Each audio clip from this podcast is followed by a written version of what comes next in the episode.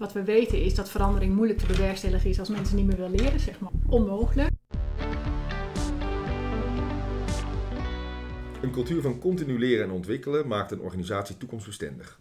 Maar hoe kom je tot een dergelijke cultuur? Je luistert naar een ronde tafelgesprek tussen vier deskundigen van Schouten en Nelissen over het onderwerp cultuurverandering in organisaties.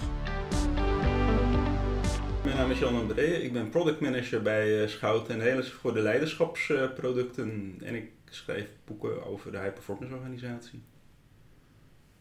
En mijn naam is Peter Gerrits, ik ben uh, consultant uh, leiderschap. En dat betekent dat ik uh, organisaties help toekomstig bestendig te worden en leiders help zichzelf te ontwikkelen. Ik ben Nicole Heupers, ik ben directeur leiderschap en organisatieontwikkeling en in mijn vrije tijd ben ik change manager.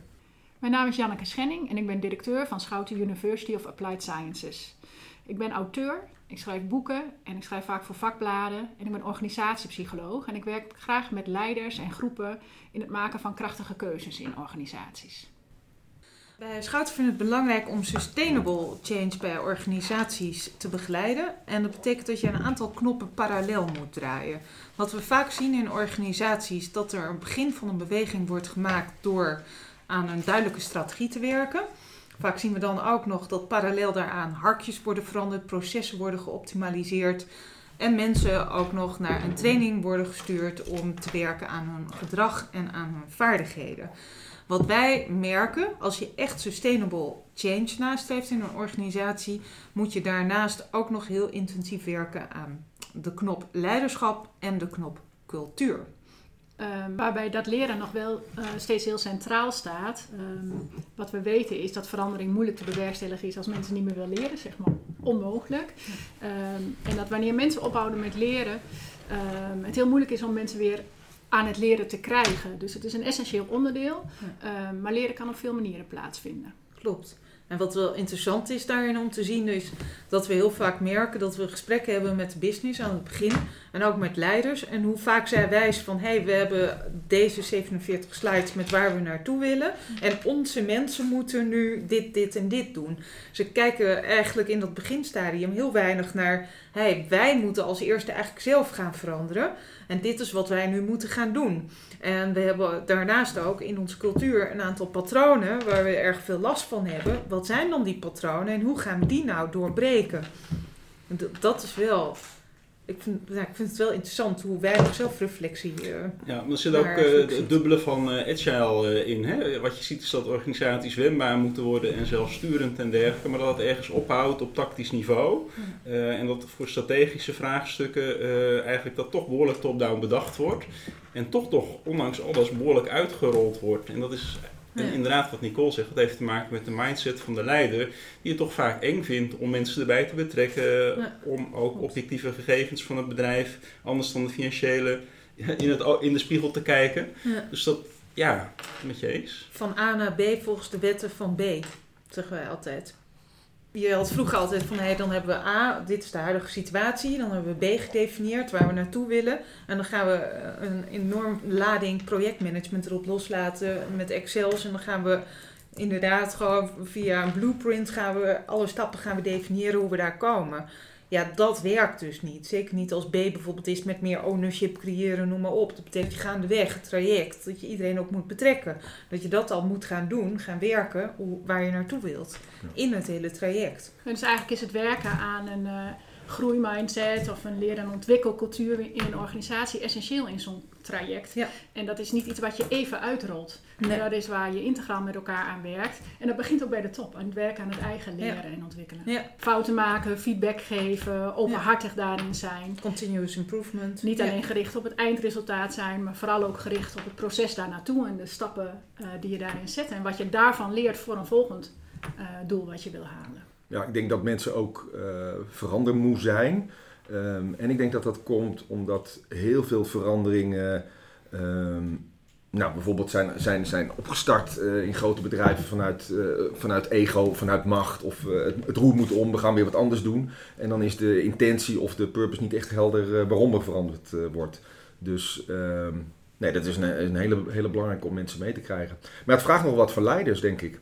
Want uh, al de zaken waar we het nu over hebben, eh, goed de verandering eh, communiceren, maar ook een, een, een leercultuur eh, creëren, feedback, eh, een feedbackcultuur.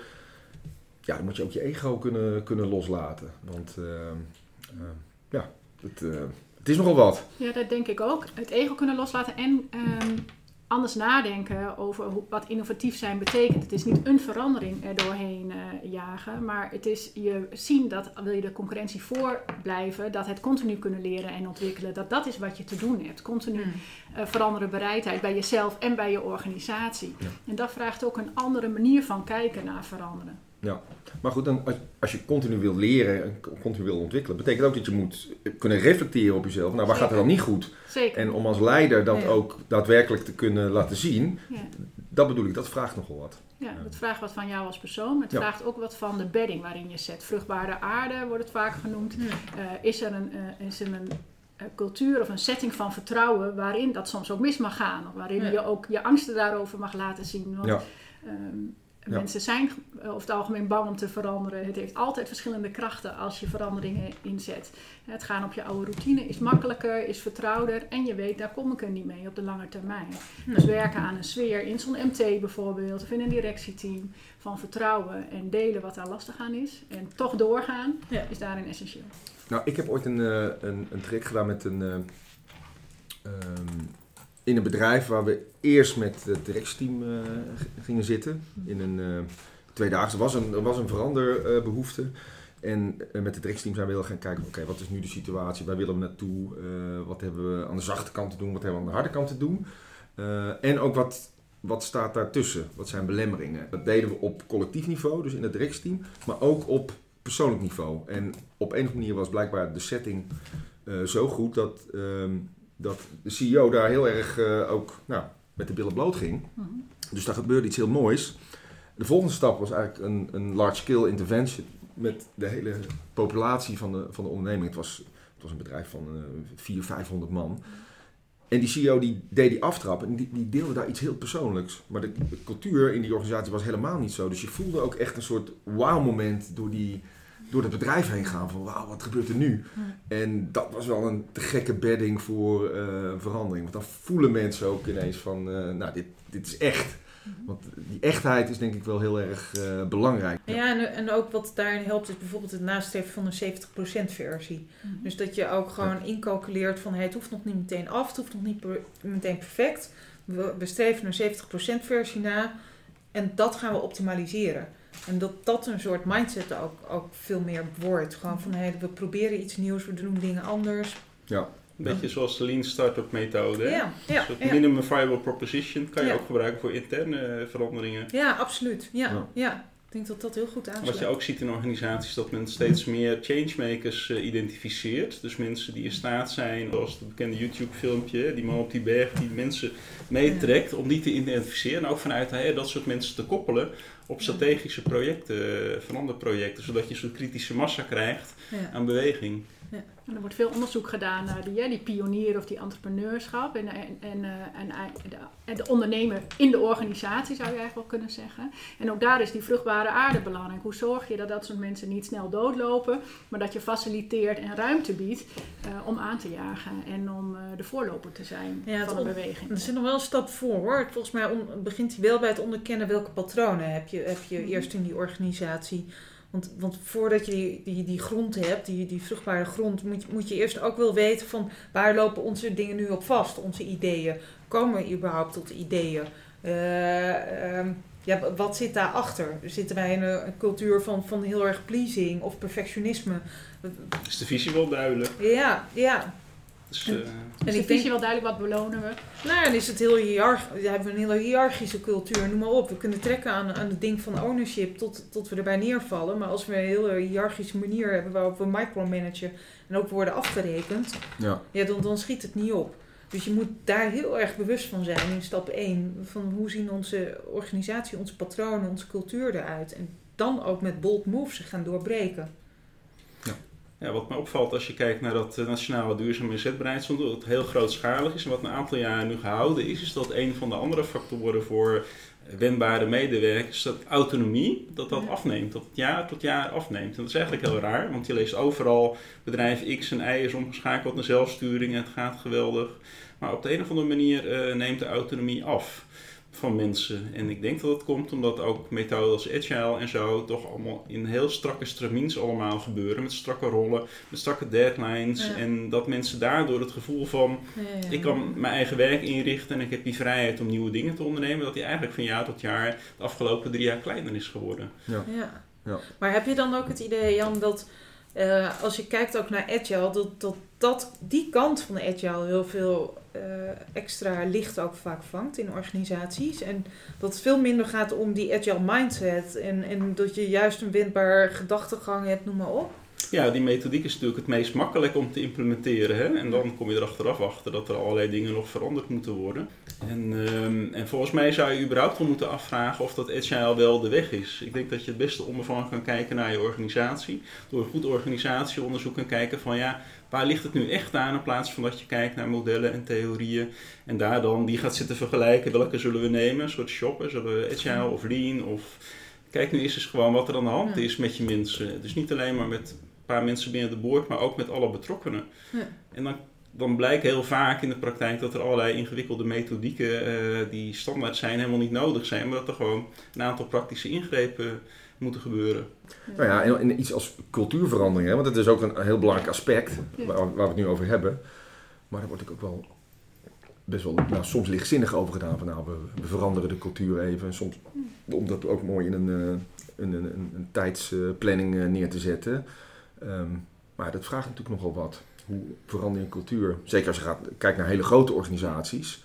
Um, daarom ook nog even wat jij daar straks zei, van echt goed kijken hoe, hoe het nu is. En ook goed kijken waar je vandaan komt. En hoe je het graag zou willen, uiteraard. Waar wil je het naartoe brengen? En je noemde heel terecht, wat kun je daarin met je leiders doen? Uh, om ze daarin te stimuleren en te helpen een nieuwe slag te maken. Maar ook wat kun je met je nieuwe hires doen en je trainees doen? Om ja. zo'n bepaalde manier naar binnen te brengen. En te zorgen dat een nieuw elan of een nieuwe manier van werken ook vanaf die kant wordt gestimuleerd. Ja. En in de lagen daartussen. Ja, want het hangt wel allemaal met elkaar samen. Kijk, je kan, je kan wel silo's willen doorbreken en, en zorgen dat mensen niet zo in hokjes denken.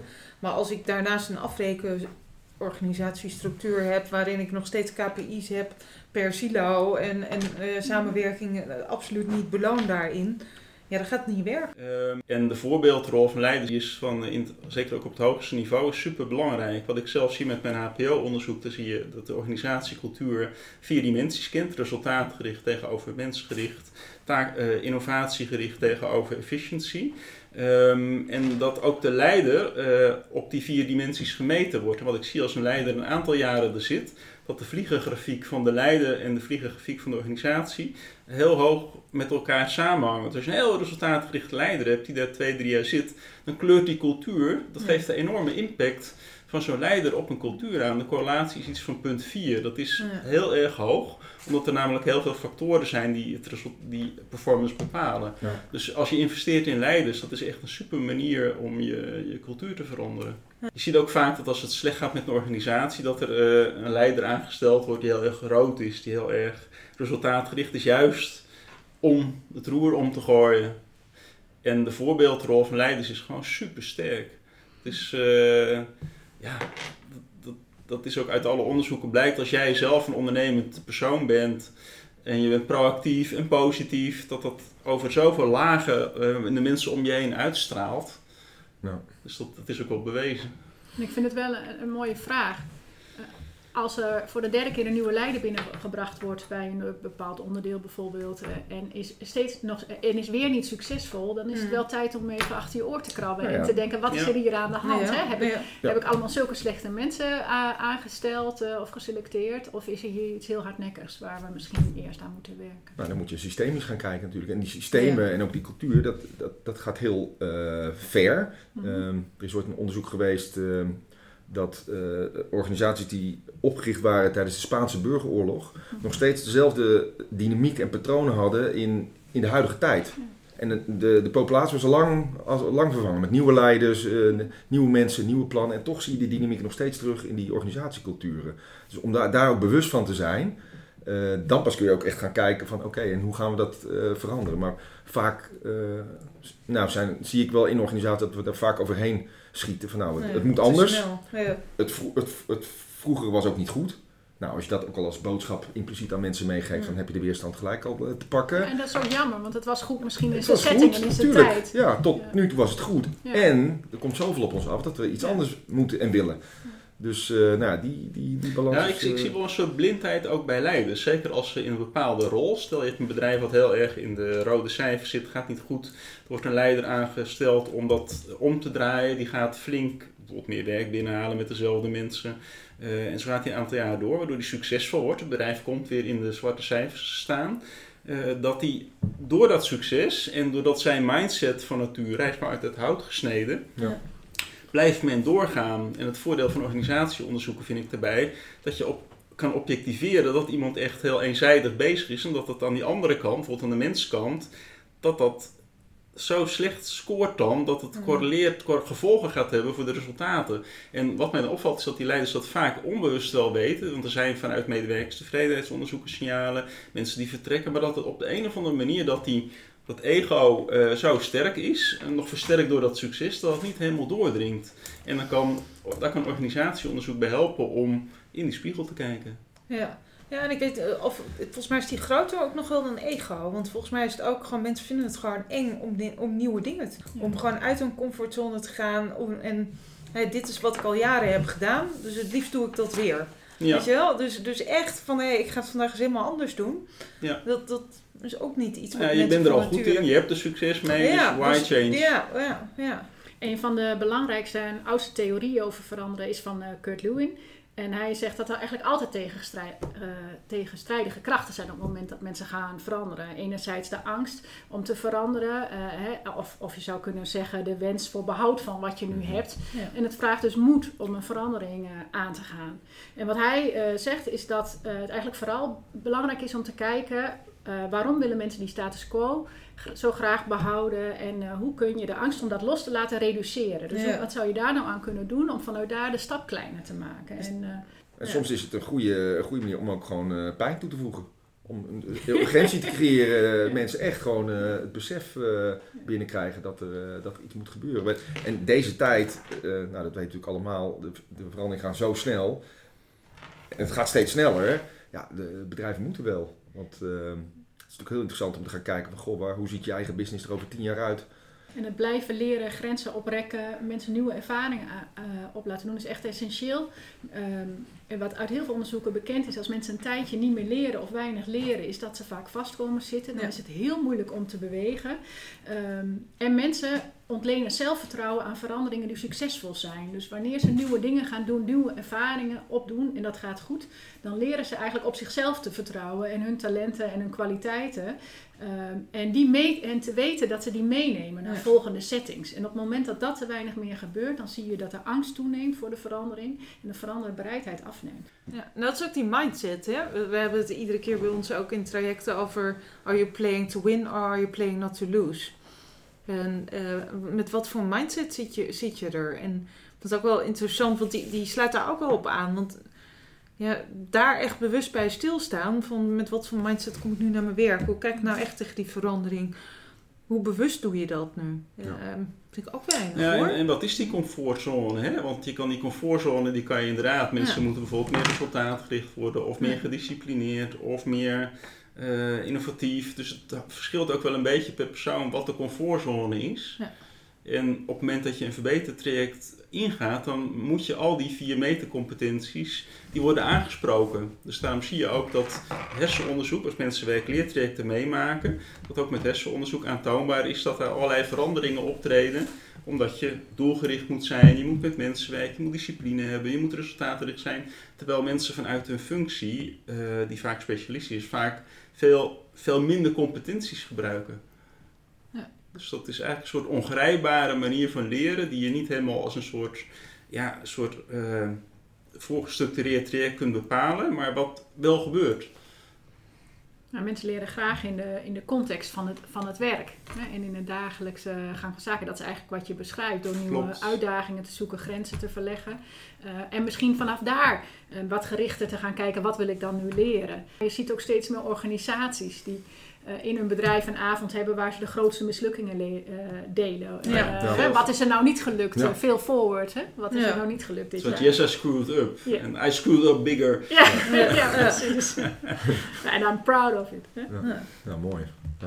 Ik ben ook eens een keer bij een organisatie gekomen die, die, die, die wilde ook hun mensen, nou die moesten meer disruptive, meer entrepreneurial, meer creative, meer innovatief eh, zijn. Maar eh, hadden ze nog wel een prikklok. En iedereen liep heel strak in pak. En Ja, eh, ja, ja, het is ook een angstcultuur. Dus die, ehm, Tegenstrijden. nou, die tegenstrijdigheid, eh, dat is vaak wel de grootste, de grootste spanning die je in verandertrajecten tegenkomt in organisaties. Ja, Ja, ik denk, ja. ik denk dat we daar eh, wel over eens zijn met elkaar. Dat eh, je op de businessagenda, op het hoogste niveau, vertrouwen, feedback, wat voor cultuur je wil, wat Ja. voor mindset je in je organisatie wil, als onderdeel moet maken van je strategie. Ja, en dat is waar we eigenlijk ook het gesprek mee begonnen. Hè? Je, hebt een, je hebt een aantal van die knoppen waar je aan moet draaien. Maar eigenlijk gaat het om consistentie op alle niveaus. En dat je ook parallel aan al die vier die knoppen eh, ook draait. Ja. En niet dingen afzonderlijk doet. En dan krijg je ook sustainable change.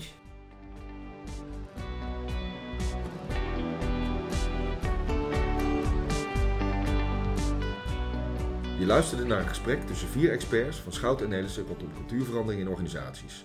We hopen dat dit je inspireert tot het creëren van een leer- en innoveercultuur in jouw organisatie.